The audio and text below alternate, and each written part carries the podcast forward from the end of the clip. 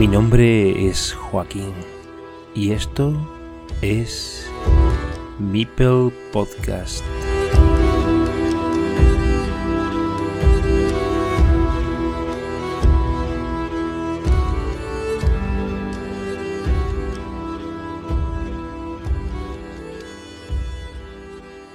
Bienvenidos a Mipel Podcast. Si ayer teníamos con nosotros al campeón de España 2022, Óscar Agudo, hoy nos acompaña el subcampeón, Carlos Aguado, quien nos va a mostrar el otro lado de la moneda. Bienvenido nuevamente, al igual que le decía a Óscar, a esta que es tu casa, Carlos. Muchas gracias, Joaquín. Encantado de estar por aquí de nuevo. ¿Qué lectura harías del Nacional en términos generales y sobre todo de esa gran final con Óscar Idis? Pues en términos generales, que como siempre, pues ha estado, ha estado genial, yo me lo he pasado súper bien. He conocido más gente aún de la que, de la que ya conocía. Y nada, todo, todo súper bien, dar las gracias a Debir.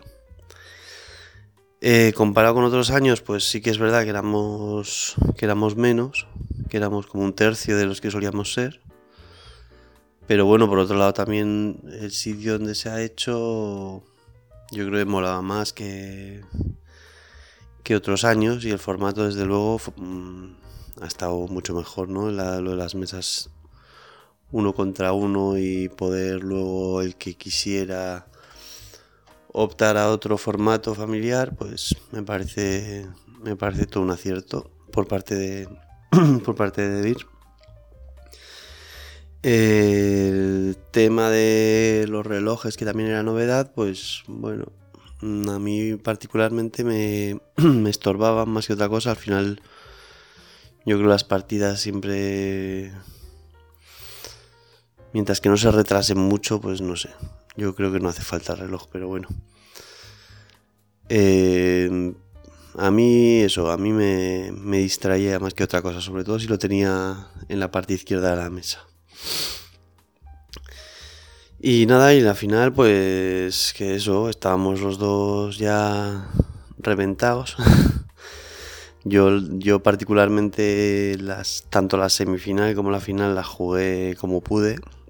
Cometimos un montón de fallos. Fueron partidas, desde luego, no, no fueron las mejores partidas, pero bueno. Pero guay, pues, pues bien, todo, en semifinales tuve suerte contra IQ y en la final pues no tuve tanta suerte y, y ganó Oscar merecidamente. No deja de resultar curioso que llegues a la final y hayas sido el único jugador que ha ganado a Oscar, pero no hayas ganado el torneo.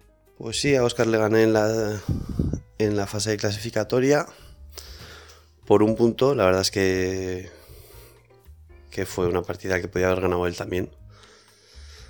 Pero bueno, no, no sabía que, no había perdido ninguna, ninguna otra.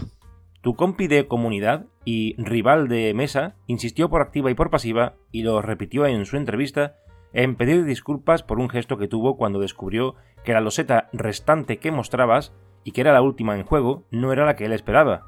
Bueno, pues disculpas aceptadas. Yo tampoco me lo había tomado. Tampoco me lo había tomado mal, pero bueno. Supongo que fue el, la emoción del momento y eso era perfectamente entendible. Por mi parte no hay, no hay ningún tipo de problema, vaya. ¿Te dejas llevar tú en tu juego más por la intuición o es necesario y forzoso contar las rosetas en la fase final de la partida para saber qué es lo que espera debajo de esas pocas piezas que restan y las que solo se ve el dorso gris con el anagrama de la C de Carcassonne?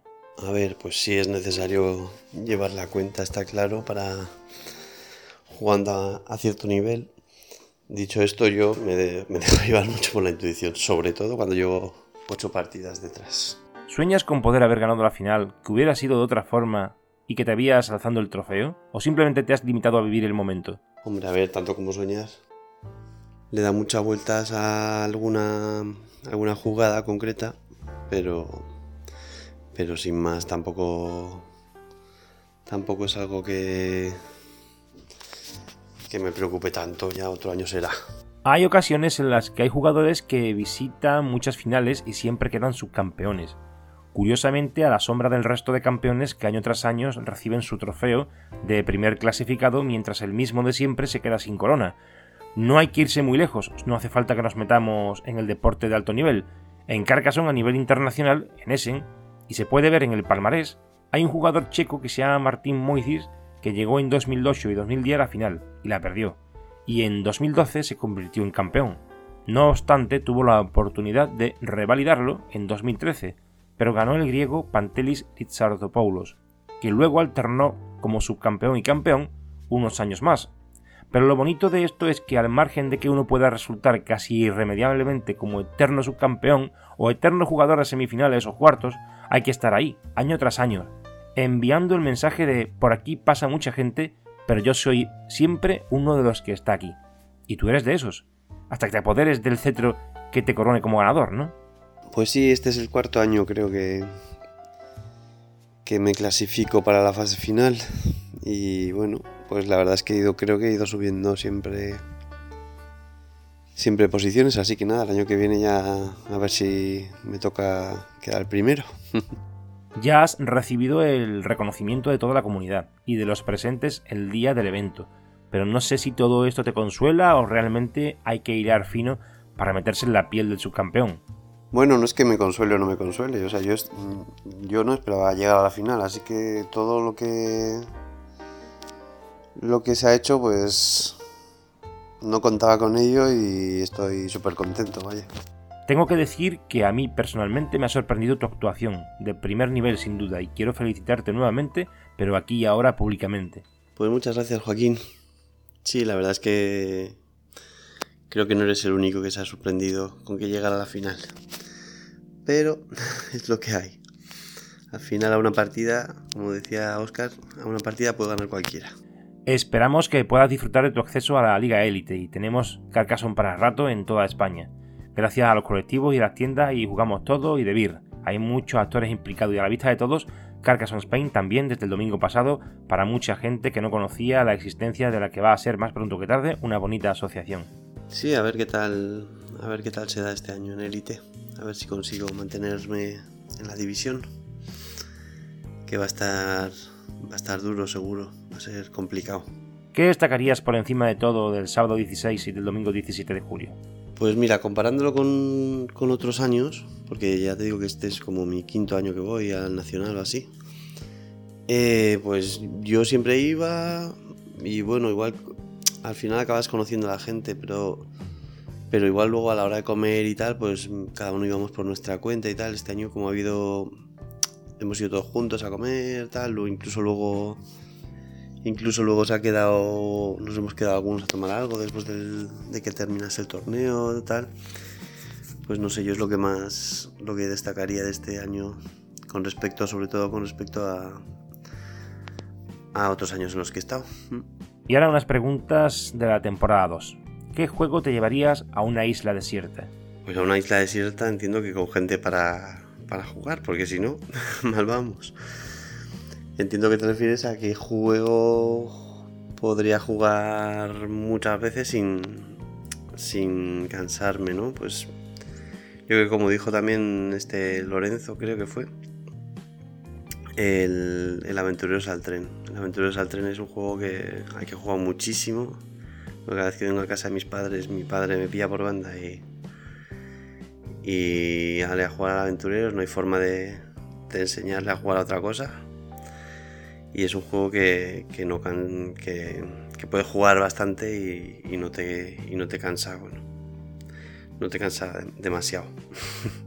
¿A quién te gustaría que entrevistara en Mipel Podcast? Pues me gustaría que entrevistases a, a Alex de Carcassonne Pieza de Inicio.